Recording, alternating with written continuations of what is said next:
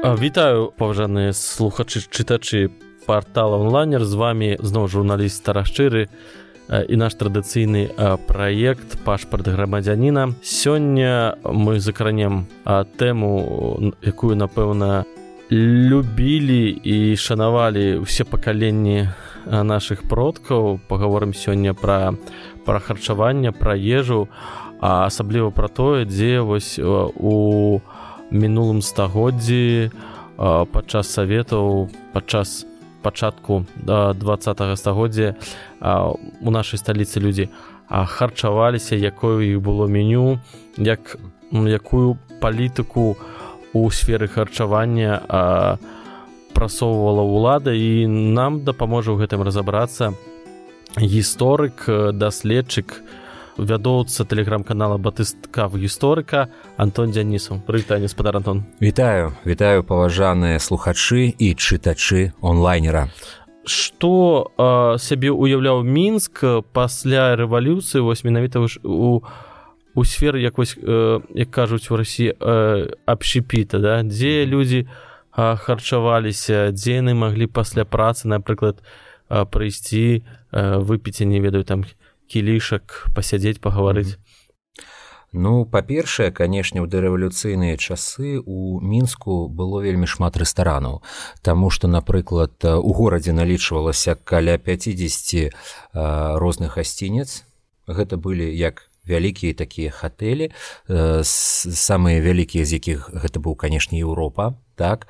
Да даволі таких маленькіх якія былі ну на 10 там 20 месц дзе можна было размясціцца. Але канешне у кожным гатэлі у кожнай гасцініцы быў свой буфет ці нават рэстаран. І нават гэтыя рэстараны ну яны былі шыкоўнымі канешне для свайго часу. Нават вось меню гэтых рэстаранаў яно адпавядала напрыклад тым же еўрапейскім а, еўрапейскім такім навамодным тэндэнцыям так? Асабліва напрыклад у сферы напояў вельмі папулярнай была канешне кава а таксама напоі розныя алкагольныя коктейлі на аснове вось кавы на аснове розных фруктаў але ўсё канешне змянілася падчас першай сусветнай войны так?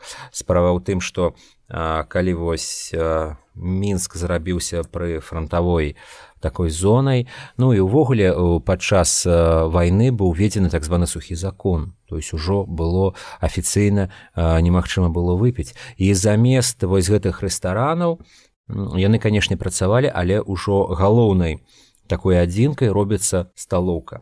Агульна такая доступная сталоўка.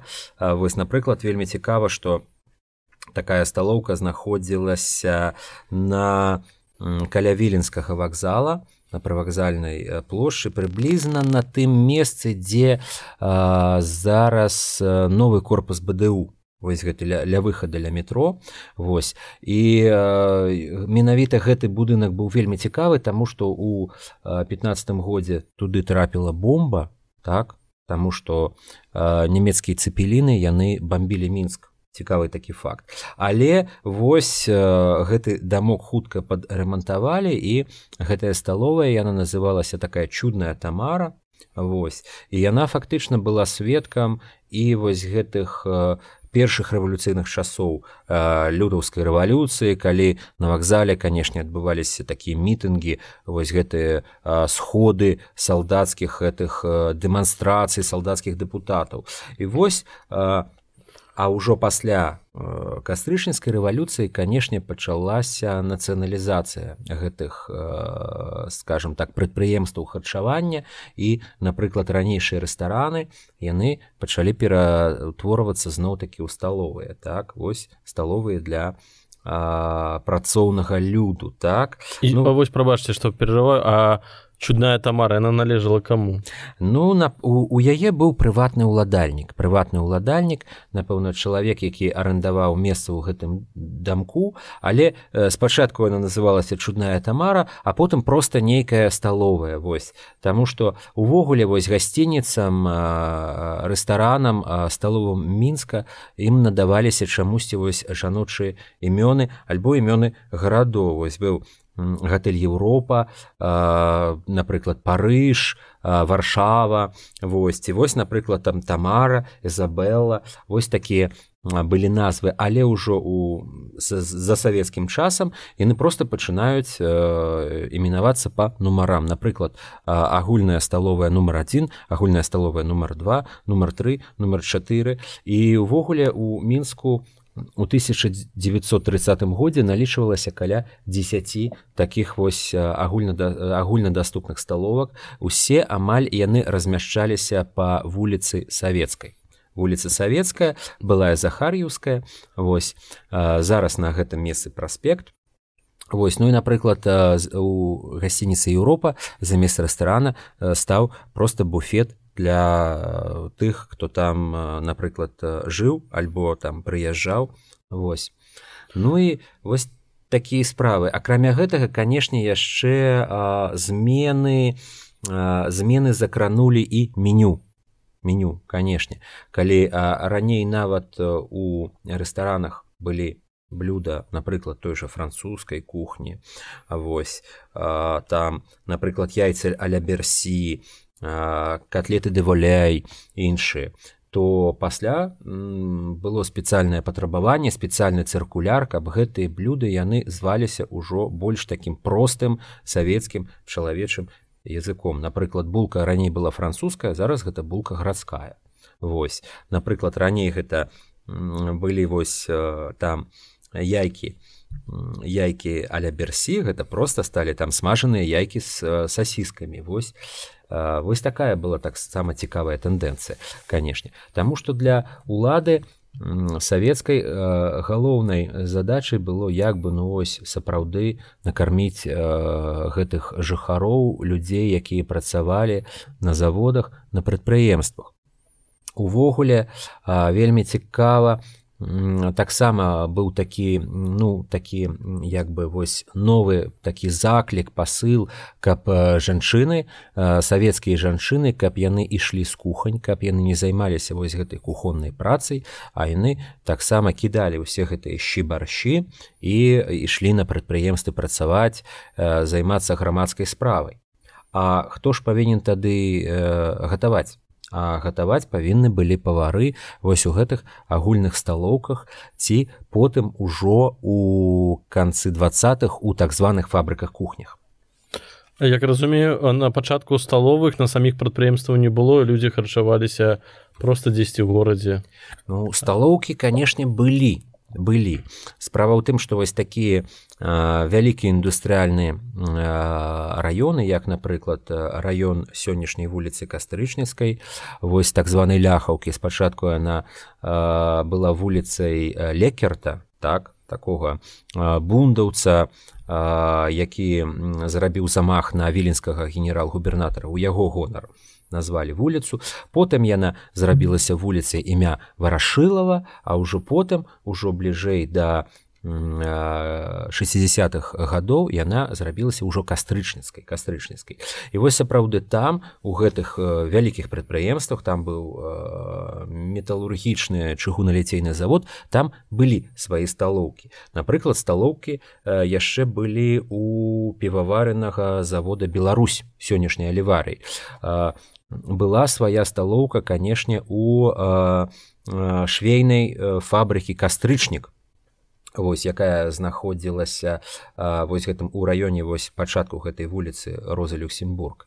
Так? Але у асноўным канешне прадпрыемствы асноўныя былі невялікія былі канторы нейкія майстэрні і там канешне людзі ну што што ім заставалася рабіць? Альбо яны бралі нейкую ежу якую гатавалі напрыклад дома якія рабілі жонкі Вось альбо яны сапраўды ішлі ў вось гэтыя сталовыя агульнадаступныя. Але канешне з розных раёнаў горада, напрыклад, да той жа вуліцы савецкай дабрацца было ну даволі цяжка доўга. Таму канешне вось гэта пытанне, чым карміць, чым харчаваць вось гэты працоўны люд так званых саўслужачых саўпрацаўнікоў яно канешне гэта пытанне так стаяла даволі остра у канцы двадцатых пачатку тридцатых гадоў.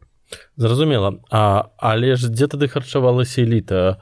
Чыноўнікі і якая ж верхушка камуністычнай улады? Ну вось у іх у, у як бы у іх былі канешне свае там так званыя ведомственныя кухні вось гэтыя невялікія ім напрыклад ну быў ну калі ўжо з'явіўся дом урада то вядома што там вось у гэты праект Осіф ламбард ён заклаў вось эту сваю мясцовую сталоўку. Вось а раней калі дома ўрада яшчэ не было то калі інш іншы напрыклад на пляцу волі будынкі ці там клуб карла маркса там канешне быў свой буфет свая сталовая. Некаторыя зноў такі хадзілі напрыклад у тую ж гасцініцу Еўропа. І там яны па спецыяльным талонам атрымоўвалі вось гэты нейкі паёк свой. Вось. Слухайте а, а якая панавала ўсё ж таки атмасфера у сталоках? Гэта быў культурнае месца э, там было прыбрана чыста все даволі так інтэлігентна альбо у, у час калі вось панавалі гэты разнастайны настроі палітычныя там адбываліся можа і мітынгі і спрэчкі і дабой даходзіла Ну разумееце канешне ну напрыклад там дзе ўжо збіраліся сапраўды нейкія людзі партыйныя сур'ёзныя там канешне нейкіх боек не было. Але у тых месцах дзе быў так званы просты народ канешне гэта былі нейкія эксцэсы былі вось гэтыя п'яныя бойкі там нейкія скандалы напрыклад вось у раёне вось так званых кашараў сёння гэта тэрыторыя якая занята часткова вось гэтымі старымі карпусамі завода імя кірова так там сапраўды вось былі такія трушобы там былі нейкія тракціры яшчэ вось гэтых старых часоў. І там сапраўды былі даволі такія ну як бы кажуць злачныя месцы. Але але канешне вось гэтая новая савецкая сталовая яе старались нагружаць ідэалагічна. Казалі што вось там у чалавек напрыклад меньшук гэты пралетары які які прыходзіць ён павінен разлічваць на сапраўды добрае абслугоўванне і добрае харчаванне. Але вось менавіта праблема абслугоўвання і праблема якасці ежы яна канешне стаяла зноў-такі даволі востра. Напрыклад у, у сярэдзіне 1920-х гадоў такі драматург беларускі дзеяч францішак алехнович які прыехаў з вільні у мінск да спачатку на канферэнцыю а потым ён вырашыў працаваць ужо на карысць беларусі. Ён узгадываў што ён зайшоў раней у былы такі рэстаран фрыц які быў ужо ну стаў такой агульнай савецкай сталовай. Ён убачыў там напрыклад салому на падлозе. Ну каб просто каб гэты там нейкі бруд там ён так не занасіўся. Вось гэтыя э, такія нейкія шэрыя сталы вось гэтую брудны посуд. І ён канешне вельмі сур'ёзна расчараваўся. І вось гэтая барацьба савецкай улады за падвышэнне якасці харчавання за абслугоўванне яно таксама было ну такім вельмі важным напрамкам так і вось менавіта таму ўжо э, у двадцатыя гады было утворана такое таварыства нарпіт народнае пытанне народнае харчаванне. І вось яно якраз таки займалася будаўніцтвам новых сталовых э, по ўсяму савецкаму саюзу. У тым ліку быў створаны і белнарпіт то есть беларускі філіал які таксама займаўся гэтым. Так акрамя э, таго канешне узнікалі яшчэ пытанні і снабжэння каб напрыклад прыгатую прыгатаваць тыя ж котлеты супы патрэбна ну мяса іншыя прадукты садавінагародніна і дзе было яе ўзяць былі зноў такі праблемы з пастаўкамі ну напрыклад вось у тым жа заводзе Беларусь піўным заводзе так?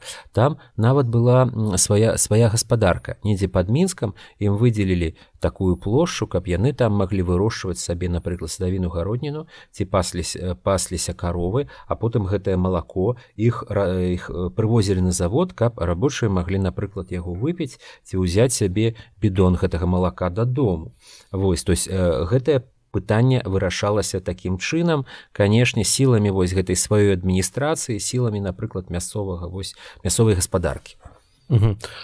Расскажыце калі ласка вось калі ўзнікла так, такой такі панятак тэрмін як фабрыка кухні чым не наогул звязаны.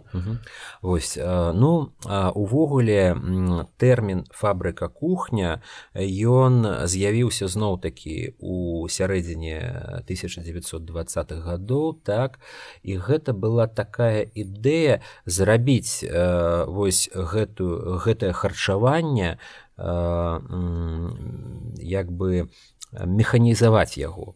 То есть новы тэхналагічны э, такі працэс з выкарыстаннем новых тэхналогій новых машын новых прыстасаванняў. Справа ў тым што савецкія кіраўнікі яны э, паехалі ў англію спецыяльна для таго каб паглядзець. А як адбываецца харчаванне вось у лондоне тому что ўсё ж таки англія яна ну тады была таким як бы цэнтрам індустрыальным цэнтрам і фактычна цэнтрам вось гэтай заходняй цывілізацыі пасля канешне Амерыкі. І ім там вельмі спадабалася гэта ідэя вось гэтых аўтаматычных сталовах калі аўтаматычна вось мой мыецца посуд калі вось у гэтых вялікіх котлах э, гатуюцца гэтыя порцыі напрыклад ты ж сасіскі ці той жа гарадскі фастфуд і рабочыя з завода яны ўсе ідуць іх вельмі шпарка так хутка абслугоўваюць яны далей ідуць працаваць. І вось таму з'яўляецца ідэя будаўніцтва фабрыкі кухні. Таму што фабрыка кухня гэта а, такі будынак. Ён адначасова умяшчае сябе як сталовую дзе харчуюцца людзі кухню а таксама розныя цеха па напрыклад ну вытворчасці вось гэтых прадуктаў ці полуфабрыкатаў напрыклад супавы цех цех мясны цех садавіны гародніны цех напрыклад кандзіцерскі так? І ўсё гэта робіцца разам усё гэта адразу альбо по э, трапляе на стол да чалавека альбо ідзе вось у такіх нейкіх тэрмасах у кантэйнерах на прадпрыемства дзе ўжо там з гэтых полуфабрыкатаў на месцы таксама гатуюць ежу. І вось э, першыя э, фабрыкі кухні яны пачынаюць будавацца у падмаскоўным горадзе такім иваново вознесенскі а потым яны ўжо пачынаюць будавацца у раёнах москвы у раёнах э, ленінграда у самары. І канешне паўстала пытанне што і мінск як галоўная сталіца бСр яна таксама заслугоўвае фабрыку кухню. І сапраўды у мінску вось гэтыя сталоўкі якія ў асноўным былі альбо на месцах гэтых старых рэстаранаў альбо яны былі ў нейкіх невялікіх будынках якія былі не прыстасаваны да вось гэтых новых тэхналогій. Канешне трэба было пабудаваць. І сапраўды гэта пытанне паўстала. Яшчэ я бы хацеў адзначыць тое што акрамя гэтага на фабрыку кухню сапраўды вось была такая вялізная ідэалагічная ідэалагічная нагрузка тому что фабрыка кухня гэта была ну не просто месца дзе чалавек харчуецца але гэта як бы быў такі сімвал новай культуры пралетарскай культуры. Акрамя гэтага як бы людзі ўсё робяць калектыўна. Увогуле былі такія ідэі напрыклад будаўніцтва дамоў камун калі людзі жывуць разам яны жывуць у нейкіх такіх вось пакойчыках але ў іх ёсць напрыклад агульная прачачная і вось агульная кухня ці агульная сталовая тут жа побач дзіцячы садок яны здаюць туды дзяцей яны ідуць працаваць потым там же яны напрыклад белізну вось забіраюць яны і сталуюцца там же і разам заўсёды як бы бавяць час. Вось гэты калектывізм і фабрыка кухня павінна была быць вось сімвалам гэтага калектывізма. Ну і у мінску у 1929 годзе пачалі выбіраць месца дзе ж пабудаваць фабрыку кухню. Ну і вырашылі што сапраўды вось гэта цэнтральнае месца у самым пачатку вуліцы свердлова за чырвоным касцёлам побач з домам ураду побач з будуючымся вось гэтым студэнцкім універсітэцкім гарадком бДУ. І таксама побач быў вакзал і ад гэтага месца можна было развозіць вось сапраўды у іншы раёны зноў-такі ў тую ж ляхаўку вось на камароўскі напрамак. І вось у 8 сакавіка 1930 года быў закладзены на гэтым месцы першы першы камень. Ізноў такі бачыце дата 8 сакавіка так фабрыка кухня павінна была вызваліць вось гэтых савецкіх беларускіх жанчын ад чаго? А ты вось гэтага кухоннага закабалення так каб яны ўжо не варылі гэтыя супы а яны маглі займацца ну больш такой карыснай для грамадства і для ўлады справы Вось. Проект даволі атрымаўся цікавы калі нават сёння паглядзець на гэты будынак а ён захаваўся. Вось то так прыклад канструктывізма ось у савецкай архітэктуры ну расскажыце хто займаўся праектаваў ці ўсё атрымалася з першапачаткового варыянта вось дасягнуць сапраўды справа яшчэ ў тым што вось калі напрыклад фабрыкі кухні у іх было такое унутранае напаўненне і вось гэта высокатэхналагічная вось гэта вось як бы начынка такая так то сапраўды і знешне і по сваім праектам і по планаванню памяшканняў вось яны былі узорамі такога канструктывізму што усе памяшканні яны павінны былі сапраўды адпавядаць сваім функцыям і мы бачым вельмі цікавыя прыклады вось гэтых фабрык кухні напрыклад тут той же самары дзе ўвогуле яе сілуэт нагадвае серп і молат калі глядзець зверху ці ў москве ці ў ленінграде што тычыцца беларускай фабрыкі кухні то з аднаго боку гэта быў ну так званы типавы праект а з іншага боку канешне вось тыя людзі якія працавалі над гэтым. Справа ў тым что звычайна праектаваннем таких аб'ектаў займаліся якраз такі архітэктары вось гэтага таварыства нарпіт. І сапраўды гэтыя два чалавека яны прыехалі і прапанавалі свой праект. Ён быў зацверджаны і па ім пачалося будаўніцтва.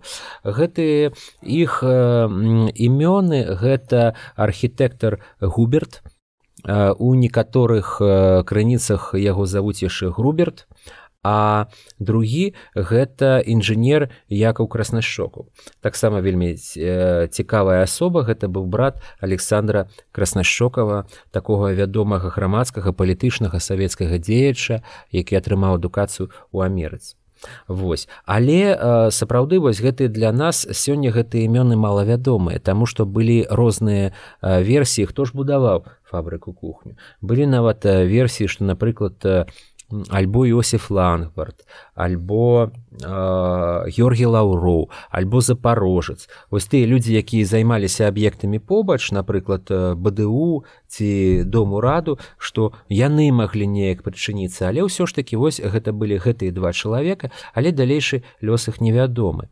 Што з імі адбывалася далей, ну вось крыніцы ці прыязджалі яны ў мінск, нават невядома, ці прыехалі яны потым паглядзець на вось гэты свой, свой твор вось гэты свой будынак таксама вядома інфармацыі мала падчас войны гэты будынак неяк выкарыстоўваюць ён быў занядбаны закінут безумоўна безумоўна. Справа ў тым што вось а, да вайны ў фабрыкі кухні было некалькі такіх вялікіх залаў так?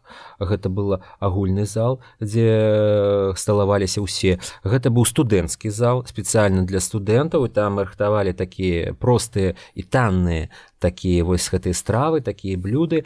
Гэта быў дыетычны зал каб людзі у якіх былі нейкія абмежаванні па здароўю яны вось і таксама быў на другім паверсе быў рэстаран дзе падавалі ўжо такія больш такія прывабныя як бы дарагія стравы ці напоі. І канешне граў джаз граў час Вось гэта было вельмі цікавай рэстаран фабрыкі кухні ён быў самы вялікі ў мінску. На другім месцы быў рэстаран гасцініцы Еўропа які аднавілі ўжо ў тридцатые гады і рэстаран гасцініцы Беларусь гэтыя тры рэстараны яны былі на ўвесь мінск афіцыйна. А вось э, падчас вайны падчас вайны э, гэта памяшканне было занята немцамі. Яно працавала на патрэбы э, нямецкай акупацыйнай адміністрацыі і там быў так званы атэль нямецкі дом хотел Дойчесхаус.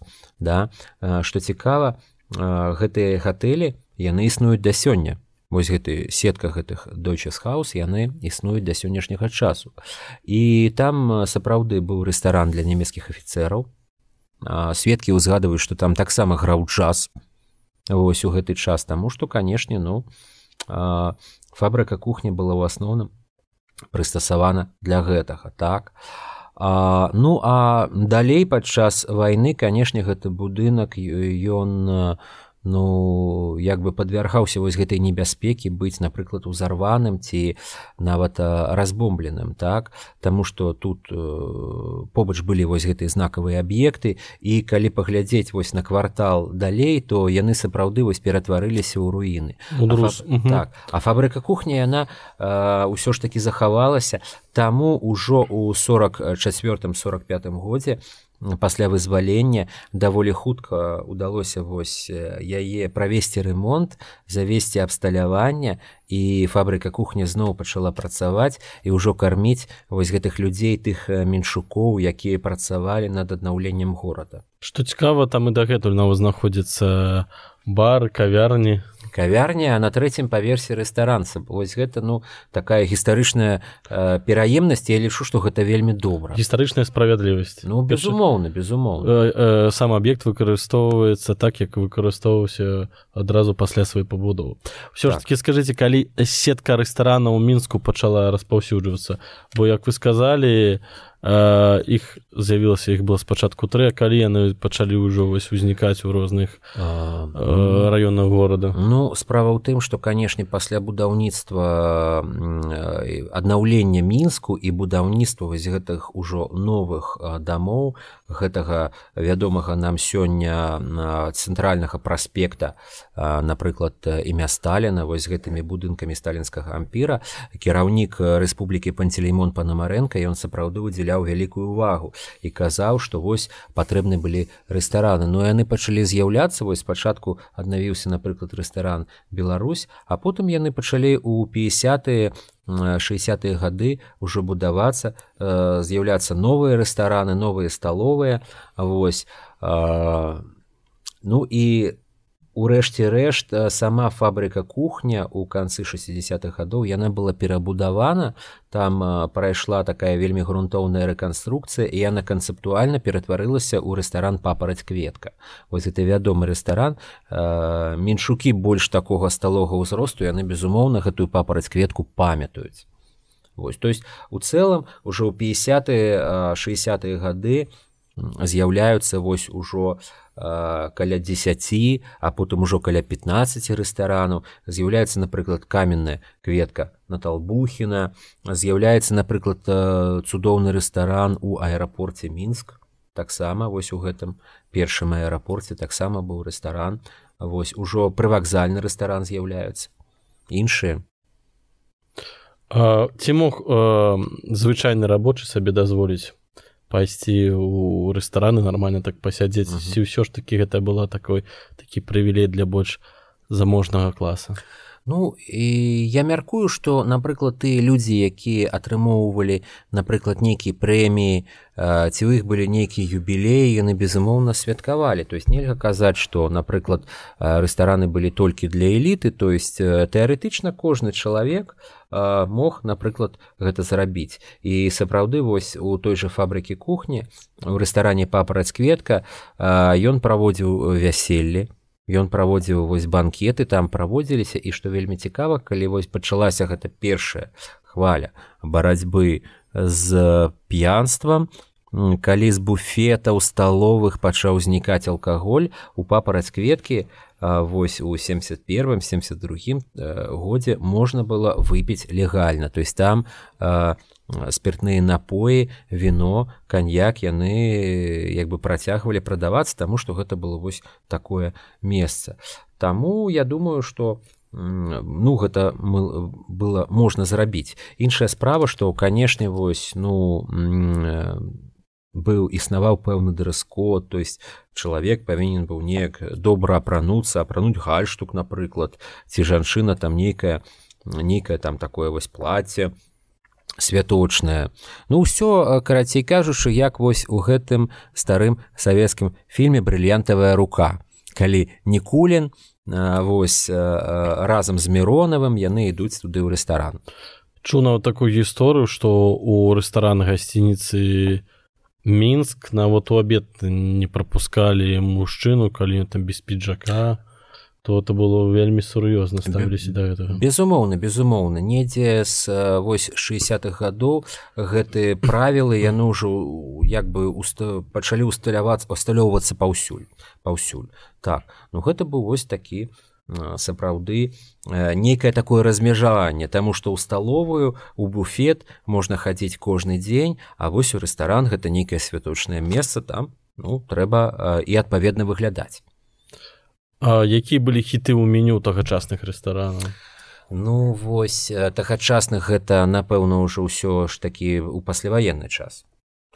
Ну справа ў тым што кожны рэстаран вось асабліва пачынаючы з 60-х гадоў кожны рэстаран ён як бы пачынае рабіць нейкае сваё фірмовае блюда ці нейкі вось гэты напой. Ну напрыклад у папараць кветкі была самая вядомая котлета папараць кветка гэта э, э, пайшло адтуль. Ну справа ў тым что канешне выходзілі спецыяльныя такія цыркуляры напрыклад э, былі існавалі спісы вось гэтых рэцэптаў блюд для мінскіх там напрыклад гарадскіх рэстаранаў кафе там сталовых. І по павары канешне павінны былі вось працаваць по гэтым спісам. Але але а, даволі а, даволі рэгулярна праводзіліся розныя конкурсы вось гэтых страў. Паміж раёнамі паміж гарадамі. І канешне вось каманды гэтых павароў розных рэстаранаў напрыклад таго ж рэстарана мінск ці папараць кветкі яны вось ну намагаліся зрабіць нешта такое. Нейкіх там фаршырованых парасят нейкія салаты нейкія такія вось цікавыя там ну рагу адбіўныя іншыя тарты канешне. Таму гэта было ну і вядома што потым гэта ўсё з'ядалася таксама і нават наведавальнікамі гэтых конкурсаў.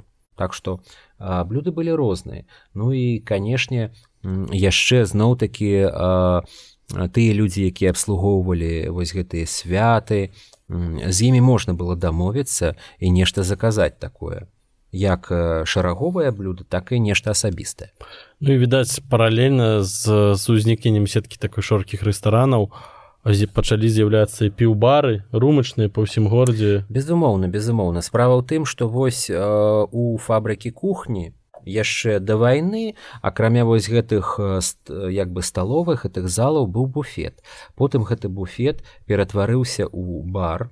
Там напрыклад ну былі коктейлі былі напоі зноў такі гатавалі каву зноў такі гатавалі каву вось на гэтых на турках вось па-турэцкі і канешне яна таксама карысталася попытам і людзі хадзілі ў такія месцы каб выпіць кавы каб зноў такі пасядзець ну паразмаўляць і вось гэта вось гэта культура бараў яны яна сапраўды ў мінску таксама была. Савецкая шампанская з'явілася ў меню таксама пасля вайны Не.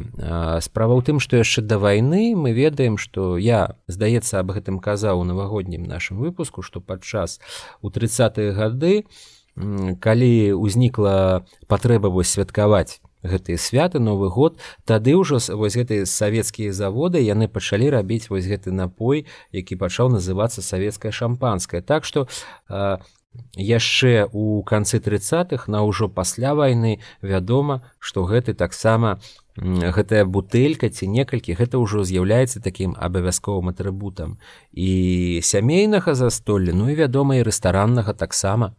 Восьось цікава сёння самыя тусовачныя месцы ў мінску это зыбіцкая альбо вуліца кастрыжніцкая. Тады вось у сярэдзіне у мінулага стагоддзя дзе любілі бавіць час мінчукі як кажуць сёння тусавацца хадзіць па рэстарацыях і запозна вяртацца дадому адтуль. Ну зноў такі у кожнай а, нейкай а, кампаніі у яе карыстаўся побытам нейкі свой рэстаран напрыклад той же рэстаран каменная кветка ці рэстаран папараць кветка у чым там была асаблівасць у тым што акрамя уласна кажучы рэстарана там існавала эстрада там была эстрада дзе гралі ансамблі напрыклад вось у папараць кветкі існаваў такі ансамбль які так і зваўся папараць кветка і там гралі такія даволі сур'ёзныя музыканты. Яны ішлі ў рэстаран каб падзарабіць. Напрыклад акрамя работы ў нейкім віа ці ў філармоніі вось яны ішлі ішлі каб Э, подзарабіць таму што людзі э, калі святкавалі калі гулялі яны заказвалі нейкую музыку. І пры гэтым маглі быць як папулярныя нейкія савецкія эстрадныя нумары так і гэта былі нейкія заходнія хіты там. Не ведаю Beatles роллинг Stones Мачыма гранд фанк потым калі пайшло ўжо дыска вось гэты час. І ну і вядома напрыклад у той жа каменнай кветкі там было сваё нават нейкае вар'етэ і там таксама выступалі артысты вось граў ансамбль. І нават там пачыналі як э, музыканты напрыклад з песняроў верасоў вось менавіта на гэтых рэстаранных падмостках. Мы ведаем што напрыклад владимир мулявін заўважыў здаецца кашыпарова калі мне канешне не э, вось гэта памяць ну не падменіць то здаецца яго ён запрасіў ці там іншых э, музыкаў. Вось а потым ужо у 80-е гады таксама пачыналі ну розныя тыя людзі якія зараз імёны іх вядомы у розных таких ужо можна сказаць легендарных гуртах. Таму вось напрыклад кафе сузор'я у і вось якое знаходзілася вось па гэтай вуліцы якуба коласа там напрыклад граў ансамбль сузоры які потым стаў ну даволі вядомым такім вось рок-гуртом. Да адзін з першых беларускіх рок-гуртом як так. называюць. Так і у іх была ось спецыяльная такая праграма рэстаранная ну але гэта была музыка тады даволі добрай якасці. Нельга казаць што гэта было ну просто нейкі там такі вось шлягер там так нейкае лабухства гэта ну была сур'ёзная праграма і людзі канешне яны спецыяльна шлі як каб вось паслухаць каб пакайфаваць пад ну патанчыць канешне ці там вось за куб кубачкам кавы за нейкім там коктейлем гэта ўсё паслухаць. То есть былі вось гэтыя свае такія як бы кропкі э, культурнага жыцця. Мастакі збіраліся іншыя людзі вось творчых прафесій зразумела. Дзякуй спадар антон за цікавую гутарку. Нагадаем што сёння тэмай нашай размовы было харчаванне. Пагаварылі пра тое як у дарэвалюцыйным і пасля рэвалюцыйным мінску адбываўся вось гэты працэс вытворчасці дзе былі самыя вядомыя кропкі рэстараны бары А вось і прыгадалі таксама пра ты мясціны, дзе пачыналі спяваць і выконваць сваю музыку вядомыя беларускія музыкі. Дзякуй вялікі за размову. Дзякую, ведайце гісторыю, слухайце онлайнер, хадзіце ў рэстараны. Ну да толькі культурна і без эксцэсаў да пабачэння паважаныя слухачы да новых сустрэч у пашпарце грамадзяніна